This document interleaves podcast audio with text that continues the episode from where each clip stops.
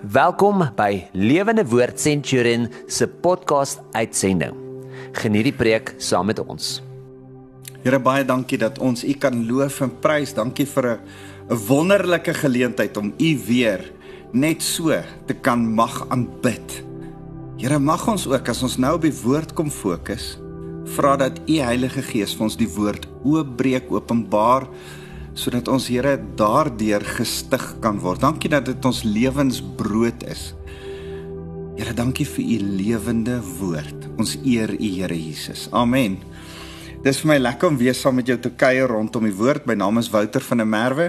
Ek is van Lewende Woord Centurion en ek uh, wil saam met jou vandag net so klein bietjie gesels. Ek ek's net so bewus van die feit dat die Here ons seën. Uh ek het nou in die laaste tyd die psalms werk ek deur ek lees uh, so so elke derde dag 'n psalm deur ek is besig ook met Jesaja en Matteus en en terwyl ek psalms deurwerk is ek baie bewus van die feit dat die Here ons wil seën en dat uh in die Ou Testament praat hy van die regverdiges van die Here is geseën. En en ek het al 'n hele lang ruk terug gaan vra vir die Here, Here, wat is 'n regverdige? Want want in ons lewe is ons nie sonder sonde nie, maar wanneer is ons dan regverdig of nie regverdig nie? Geregtig. Wanneer ons ons ons is ons on, ongeregtig en wanneer is ons regverdig? En ehm uh, en en ek het tot die tot die bewus ge, be, die, die bewusmaking gekom dat Jesus Christus maak my regverdig. Sy genade, sy bloed, sy verlossingswerk maak my 'n regverdige. Deur hom is alles wat in die Ou Testament, Spreuke, uh Psalms gepraat word as hulle sê die regverdige, dan besef ek dis ek in Christus. En en En ek het net besef al daai seëninge waarvan Jesaja wat ek op die oomblik bestudeer, ehm um, praat as hy praat van regverdiges, geregtiges, die wat die Here liefhet, dan besef ek dis ek oor Jesus se verlossingswerk, se genade in my. In Christus is ek 'n regverdige. Ek wil vir jou sê, in Christus is jy 'n regverdige. Is dit nie wonderlik nie? Jy moet weet ekskuus tog dat die Here jou regverdig maak, geregtig maak, vrykoop en dat jy jouself as 'n geliefde van die Here sien. Ek dink altyd aan hoe mooi dit is dat Johannes homself die geliefde van die Here genoem het. Ehm um, ek en jy is die geliefdes van die Here en en ek wil vir jou van so 'n geliefde paartjie vertel in die Bybel. Ehm um, een van die mooiste verhale in die Bybel vir my is die verhaal van Abigail, Abigail en Dawid. Abigail en Dawid wat met mekaar getroud was. Hulle het 'n 'n 'n 'n happily ever after storie gehad. 'n 'n mooi storie van 'n 'n 'n huwelik wat geseënd was. En uh as ek jou die storie kan vertel, dan begin dit nie so mooi nie. Dit begin eintlik met 'n vlugteling Dawid. Dawid wat vlug vir sy lewe. Dawid wat uh soos 'n vlugteling in in in die platte land moet rondbeweeg anders te vang Saul hom.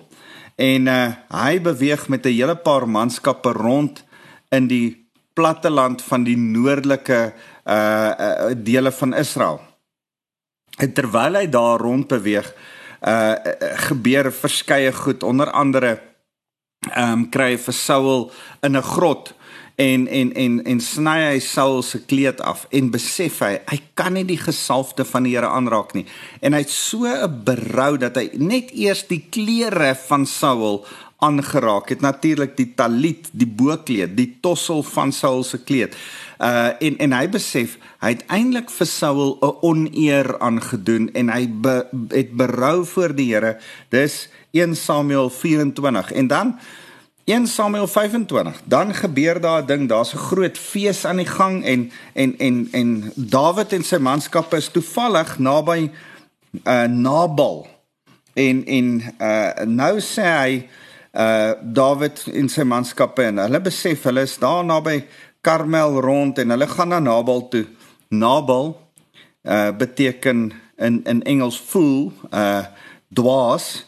Nabal se naam is letterlik dwaas. Uh en, en ek wonder of die Bybel nie bloot hierdie ou se naam vervang het net om sy gesindheid en karakter eintlik hier in te skryf nie. Die dwaas het toe vir Dawid gesê, ehm um, Dawid gaan sê vir hom, "Hoerie ons terwyl ons in die veld was en jou skaapwagters met hulle skape, skape hulle was 'n hy was 'n ryk man." Terwyl hulle daar was het het, het my manskap hulle opgepas, gesorg dat rowers en die Filistyne en die beere en die leeu's hulle nie kan jou jou skaapwagters enige skade doen nie en jou skape nie enige skade oorgekom het nie. Ons het eintlik julle so terwyl ons daar weggekruip het ook julle opgepas. En dan ehm um, dan vra hy dis nou 'n feestyd. Ons is vlugtelinge. Ons het nie veel nie. Ons is eintlik so aan die trek. Ons is 'n klomp soldate saam. Uh het het julle nie vir ons iets waarmee ons kan veer fees vier nie. En dan hierdie dwaas, hierdie Nabel sê dan, man, wie's Dawid? Hy hy hy as as die boodskappers van Dawid by hom kom, dan sê hy man, ek gee nie om vir Dawid nie. Wie is hy? Uh en en hy is eintlik besig om Dawid um te verag en verskriklik sleg te sê. Ek wens ek kan vir jou die hele storie lees, maar ons het nie tyd om die hele storie te lees nie. En ek gaan vir jou vra om om hierdie mooi verhaal op jou eie te gaan lees in 1 Samuel hoofstuk 25. Terwyl ehm um, die boodskappers dan teruggaan vir vir Dawid gaan sê Dawid, die dwaas Nabal uh vloek jou eintlik. Hy sê eintlik wie se wat se hond kom hier aan? Wat, wat wie is die ou? Baie mense het weggeloop slawe noem hy vir Dawid.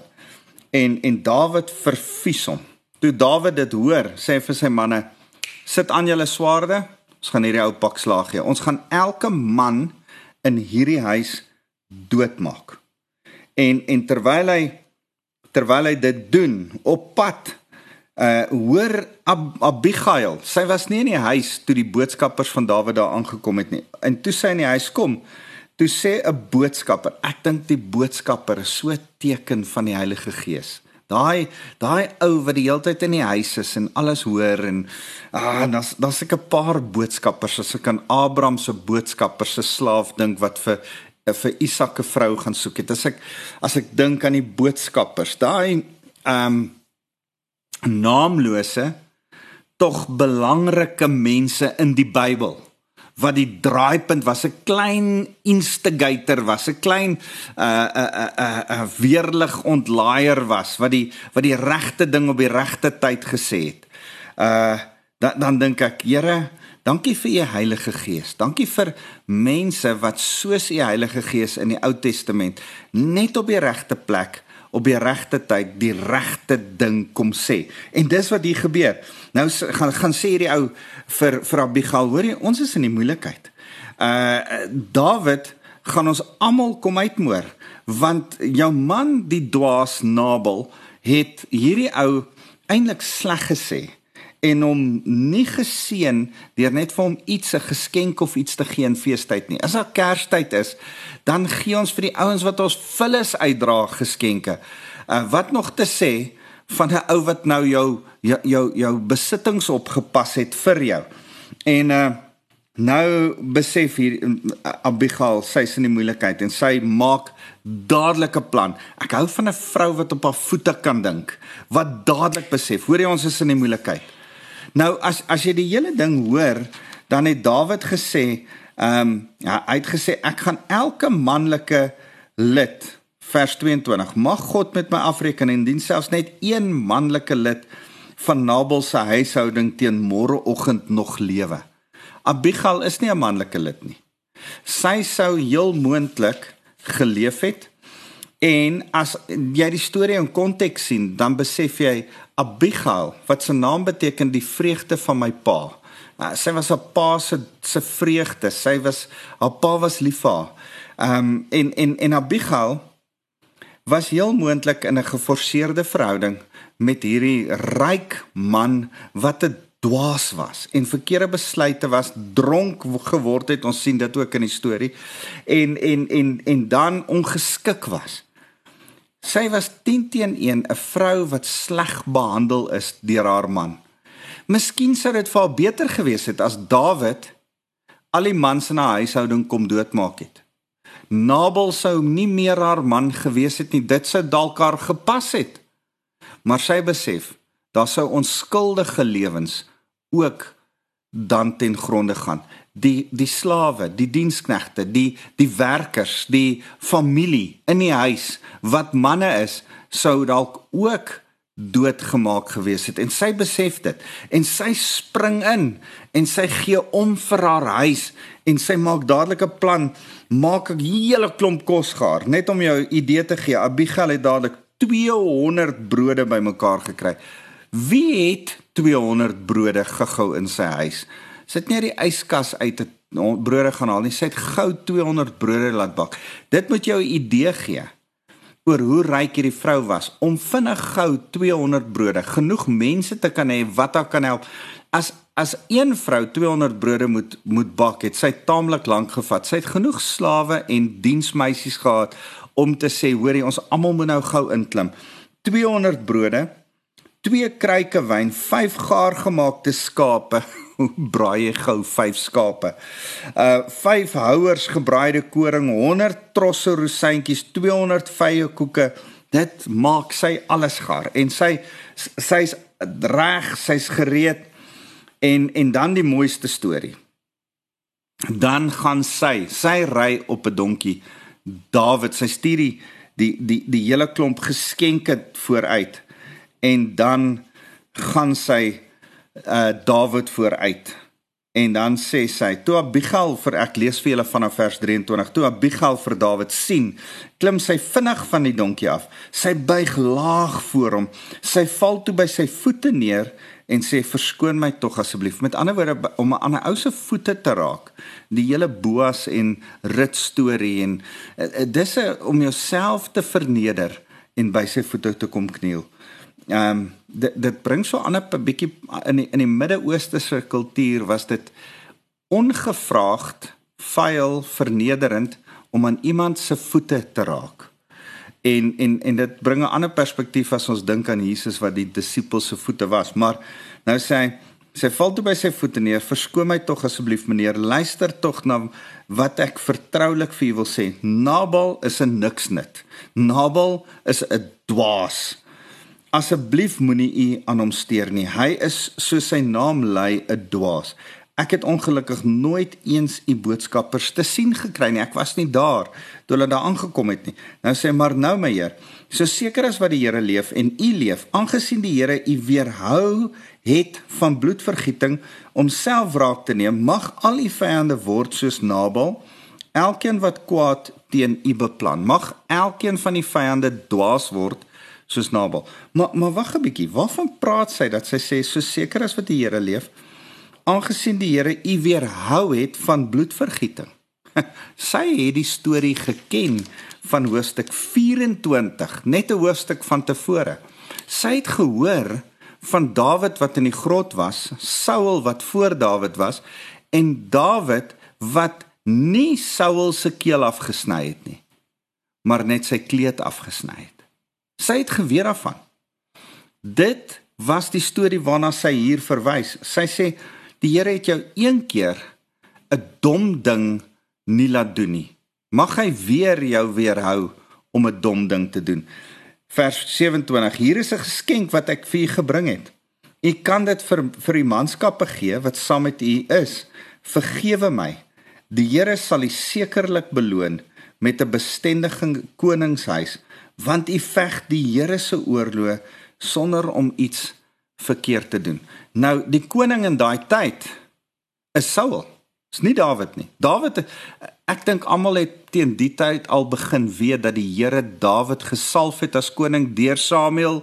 Almal het die roemer gehoor, almal het geweet, maar is eintlik hoog verraad vir 'n vrou soos sy, 'n vername ryk vrou soos sy om Dawid die koningskap toe te wens terwyl Saul nog die koning is. Maar sy weet iets van die Here se wil, van die Here se plan. Sy seun Dawid in sy profetiese amp, in sy koningskap wat moet nog nog moet kom. Dis so mooi om dit te sien. Dan sê sy uh wat u u veg die oorlog uh van die Here is sy erken sy salwing wat die Here hom voorgebruik vers 29 selfs wanneer iemand u agtervolg om u dood te maak. Sy verwys na Saul nou nê? Dis die enigste een wat hom agtervolg om hom dood te maak. Niemand is so dom om Dawid die baasvegter wat Goliat doodgemaak het te agtervolg nie. Die enigste ou wat dit gedoen het was Saul. Selfs wanneer iemand u agtervolg om u dood te maak, mag u lewe dan veilig wees in die bewaring van die Here u God. Here mag u vir Dawid veilig hou sê sy. Maar mag hy die lewens van u vyande. Nou praat sy van Saul, die Filistyne, almal wat teen hom is, selfs haar man Nabal.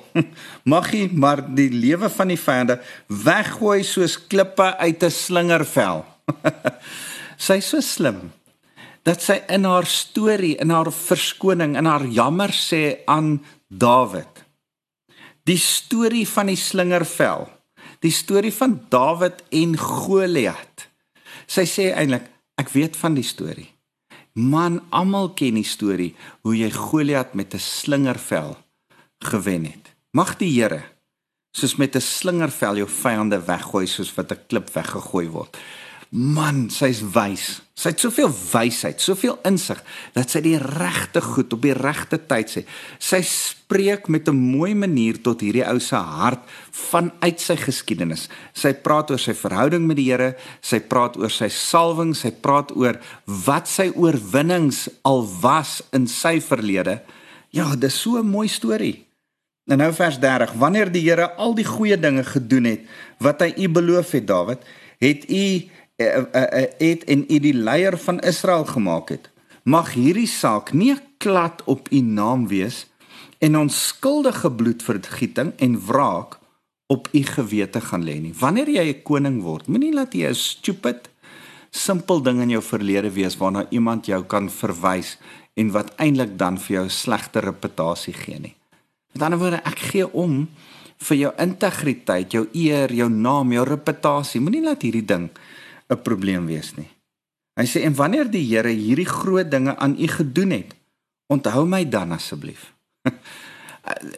Vergewe my nou en in die toekoms onthou nou dat ek jou gaan weerhou van die verkeerde ding wat jy kan doen. Dawid antwoord vir Abigail: Prys die Here, die God van Israel wat jou vandag na my toe gestuur het. Dawid is nie 'n harde kop nie.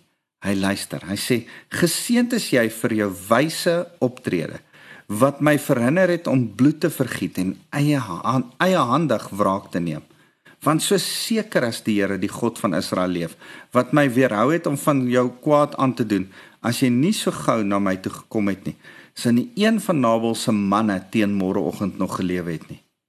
Dawid aanvaar toe haar geskenke en sê vir haar: "Gaan gerus in vrede huis toe." Ek het na jou versoek geluister. Ek sal nie jou man doodmaak nie. Abigail het toe huis toe gegaan. Nou vertel ek jou net sommer gou weer verder die storie want ons tyd is min en dan dan sê Abigail uh verder vir haar man Nabal, besef jy wat het gebeur? Dawid was op pad om jou te kom doodmaak en toe ehm um, het het ek hom gaan stop. Nabal skrik so groot in sy besopenheid, in sy dronkheid dat hy 'n uh, 'n beroerte kry. Hy's vir 10 dae op sy op sy op sy bed en hy sterf toe na 10 dae van na sy beroerte. En nadat hy sterf, stuur hoor Dawid dat hierdie ou dood is. Dawid besef hierdie mooi vrou, sy moes seker mooi gewees het. Dawid het 'n oog vir 'n mooi vrou gehad. En en en Dawid stuur sy manskappe en sê hoorie Abigail, jou wysheid, jou insig, jou skoonheid, jou vrou wees het my beïndruk. Wil jy nie asseblief my vrou word nie? Wil jy nie asseblief met my trou nie? en uh vers 41. Sy het opgestaan, laag na die grond toe gebuig en gesê: "Ja, ek is selfs bereid om 'n slavin te wees wat Dawid Dawid se manskappe versorg. Geen hoogmoed van hierdie ryk vrou af nie." Abigail het toe gou klaar gemaak, saam met Dawid se boodskappers gegaan. Sy het op die donkie gery terwyl vyf van haar diensmeisies saamgegaan het. So het sy Dawid se vrou geword. As ons dan nou verder lees in 'n in 'n in 'n verdere hoofstuk in 2 Samuel hoofstuk 3, dan sien ons dat sy het toe later 2 Samuel hoofstuk 3 vers 3 uh sy het 'n seun Kilab gehad. Kilab beteken letterlik jou pa het homself ingehou. en so jou pa het homself ingehou. Jou pa het nie stupid opgetree nie. Jou pa was nie 'n aap nie. Jou pa was nie dwaas soos Nabal nie. Jou pa Dawid het homself ingehou. Jou pa het reg opgetree. Dis wat haar seun se naam is. Is dit nie mooi nie? 'n 'n 'n erkenning deur haar seun wat dat Dawid die regte ding gedoen het. Nou nou hier's vir my die die mooi storie van hierdie hele ding. In die eerste plek is Dawid 'n tipe van Christus. Dawid in hierdie hele storie is speel Jesus vir my en vir jou.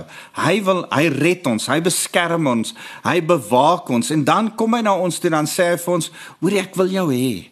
Ek wil 'n prys hê. Ek soek jou hart. Ek wil ook iets hê om saam met jou fees te vier." Hy vra vir Nabal se huis, "Hoor jy, ek wil Nabal, ek wil ek wil iets van jou af hê want ek het vir jou gegee." Jesus kom en sê, "Man, ek het my lewe vir jou gegee." Ek wil iets van jou afgee. Wil jy nie my jou aanbidding gee nie? Nabal, soos die wêreld is dwaas. Die wêreld kyk verkeerd na Jesus, soos Nabal verkeerd gekyk het na Dawid. En soos die wêreld Jesus verwerp, so verwerp Nabal vir Dawid. En vloek hom, sê hom sleg, wil niks van hom te doen nie. Maar dan is daar iemand wat in die bres tree. Daar's die die Bybel, die Ou Testament en selfs die Nuwe Testament is vol van stories waar die Here 'n hele klomp mense wil vernietig. Maar dan is daar een ou wat kom sê Here, sal U asseblief Abraham, kan hy nie die stad red as gevolg van 50 gelowiges nie? Dan sê die Here op die ouende, as dan net as dan net 10 is, maar dan is op die ouende net 3 en dan word Sodom en Gomorra vernietig. Dan dan dan is daar oor en oor verhale van Israel word nie Juda word nie vernietig nie omdat daar nog 'n remnant, 'n oorblyfsel, 'n klein stukkie gelowiges is in die land. As Elia onder die boom sit en sê Here, ek is die enigste gelowige oor, dan sê die Here nee, daar's nog 7000 ander wat my net soos jy dien. Uh oor en oor is daar 'n 'n teken van nee nee, daar's iemand op grond van iemand se geloof red ek hierdie klomp ongelowiges. Sout en lig. Die kerk is die sout en lig op grond van my en jou se geloof. As ek dink aan Pretoria, as ek dink aan Suid-Afrika, as ek dink aan ons wêreld op die oomblik, Here, mag U nie nou die wêreld verpletter en vergaan as U na die sonde, die absolute afskuwelike sonde van hierdie wêreld kyk, mag u nie dit raak sien nie, maar mag u eers u geregtiges, u regverdiges raak sien. En op grond van die genade en op grond dat u ons Abigail, u kerk, Abigail is 'n is is 'n is 'n teken, is 'n simbool van die kerk van die Here. Mag ons by u kom pleit. Here, moet ons asseblief nie vernietig nie. Sal u ons asseblief spaar? Sal u ons asseblief genadig wees. En ek dink ons leef in 'n genade tyd want die sonde in die wêreld is so groot. Maar op grond van die Here se genade en omdat hy my en jou se geloof raak sien, se geregtigheid, se regverdigheid in Christus raak sien, red hy ons. So dan is hierdie mooi storie van die kerk van die Here kom red eintlik Abigail se huis, ag uh, uh, Nabal die wêreld se huis, die dwaasheid van die wêreld se huis. Al gaan Nabal dood, word die huis gered. En uh en en dan is dit so mooi dat ons 'n kind het, dat daar gelowiges in die kerk voortgebring word vandag van Here, dankie dat elke kind wat nou nog gebore word, elke wedergebore Christen wat gebore word in die kerk in, is omdat die Here ons nog nie gestraf het nie. Ons Pa het homself ingehou. Ons Pa het ons nog nie pakslaag gegee en ons vernietig nie. Here, dankie vir wedergebore Christene. Is dit nie 'n mooi storie nie? So ek wil ek wil so so een of twee dinge net drie goed vir jou uitwys van van Dawid en Abigail wat my totaal en al seën. Hulle het geloof in die Here gehad. Hulle vertroue was in die Here. Abigail het gesê die Here gaan vir my beklei. Ek hoef nie my man te laat doodmaak deur Dawid nie ek hoef nie sy vertrou die Here. Dawid kon haar doodgemaak het toe sy by Dawid aangekom het. Daai ouens was mean in daai tyd was hulle hierdie ouens was rowwe ouens. Sy's nie bang nie. Sy klim op haar donkie, ry na Dawid toe. Die Here sal my beskerm. Kan ek en jy vir mekaar sê die Here sal ons beskerm. Dawid besef dit in sy eie lewe. Hy hy hy sê oor en oor. ek lees ver oggend weer 'n Psalm waar hy sê Here U is my rots en my beskerming. U is my vesting. Dawid besef ek's 'n wonderlike soldaat, maar ek is niks as die Here my nie oppas nie. Kan ek en jy een dit besef? Soos Abigail, soos Dawid, die Here is ons beskerming. Die Here hou ons veilig. Die tweede ding wat ek in hierdie twee sien is wysheid. 'n Absolute wysheid. En ek wil vir jou uh dit dit so oor en oor wys as ek dink aan aan aan daai skrif um ek probeer so vinnig dink aan aan spreuke wat praat van van wysheid en en dat ons in wysheid moet optree hoor wat sê Spreuke 14 vers 1 'n verstandige vrou Abigail die kerk van die Here ek en jy 'n verstandige vrou bevorder die belange van haar huis 'n dwaase vrou is selfs verantwoordelik vir die agteruitgang van haar huis. Abigail het nie vir haar eie lewe gevrees nie. Sy het nie vir haar man se lewe gevrees nie. Sy het vir haar hele huishouding, slawe, diensknegte, almal wat daar was, se lewens gevrees en daarom het sy ingetree.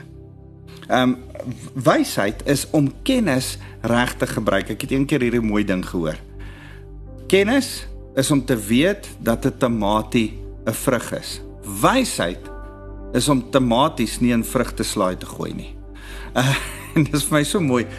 Kennis moet reg geïnterpreteer word. Dis wysheid. Kennis moet reg gebruik en dis wat hierdie vrou gedoen het. Dawid loof haar vir haar wysheid. Dis een van die goed wat die mees aantreklikste ding is. Ek het 'n vriend wat vir my sê een van die mees aantreklikste goed in 'n vrou is competence and wisdom. En en elke keer as hy vir my hierdie storie vertel van 'n sekretaresse wat so mooi was en so beeldskoon was, maar sy kon nie haar werk doen nie. En later was sy was was die girl vir hom lelik. Dan dink ek ja, dis dis interessant hoe hoe wysheid selfs mooi is. aantreklik is in iemand anderste. So ehm um, wysheid, Dawid het wysheid gehad om nie hardkoppig aan te gaan en te sê Abigail ek hoor wat jy sê en ek sal jou spaar maar ek gaan nog steeds vir Nabal doodmaak. Hy het sy fight vir die Here gelos en hy het gesê Here ek vertrou U.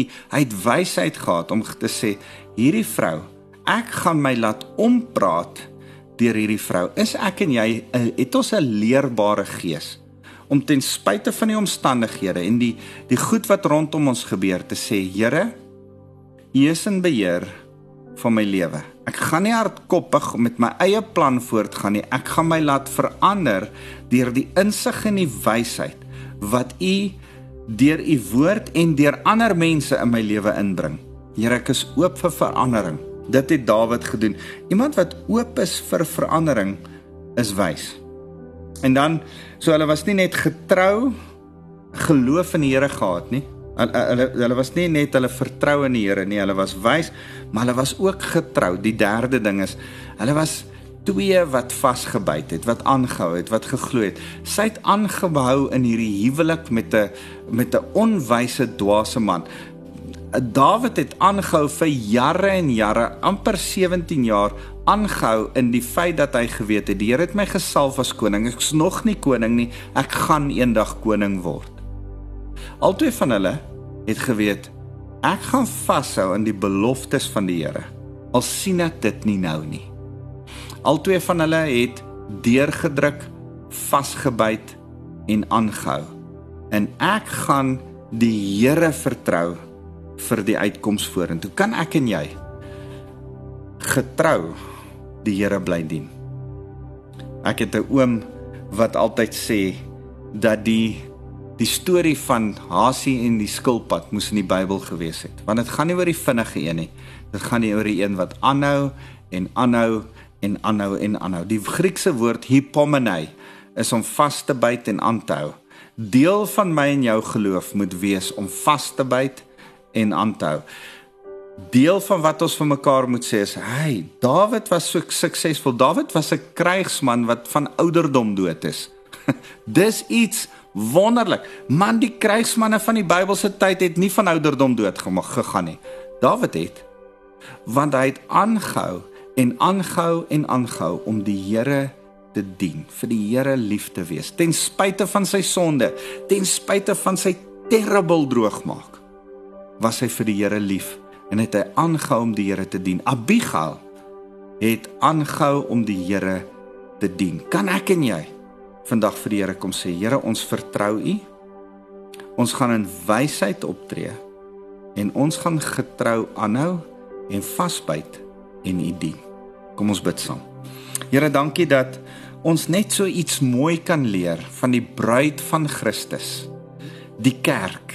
Elkeen van ons wat wat nou vandag hier lewe in afwagting op ons bruidegom, op ons Dawid wat kom, Jesus die oorwinnaar wat gaan kom om ons te kom haal vir sy bruilof. Here, dankie dat ons kan besef soos Abigail moet ons in wysheid optree. Moet ons glo dat U uitkoms gee. En moet ons vasbyt en aanhou al is ons in dwaasheid vasgevang in hierdie wêreld. Here, mag ons dan bly intree. Soos Abigail by Dawid ingetree het.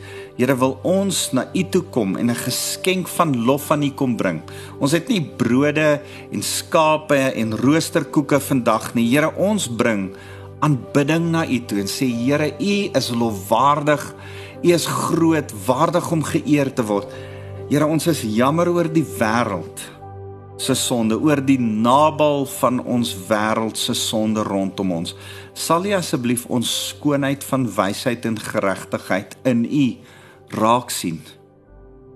En Here, mag ons U bruid wees. Soos Abigail wil ons kom laag buig voor Dawid voor Jesus ons Here en ons wil kom sê ons sal selfs u slavin wees. Ons sal selfs u dien man op enige manier hoe ons u kan bedien.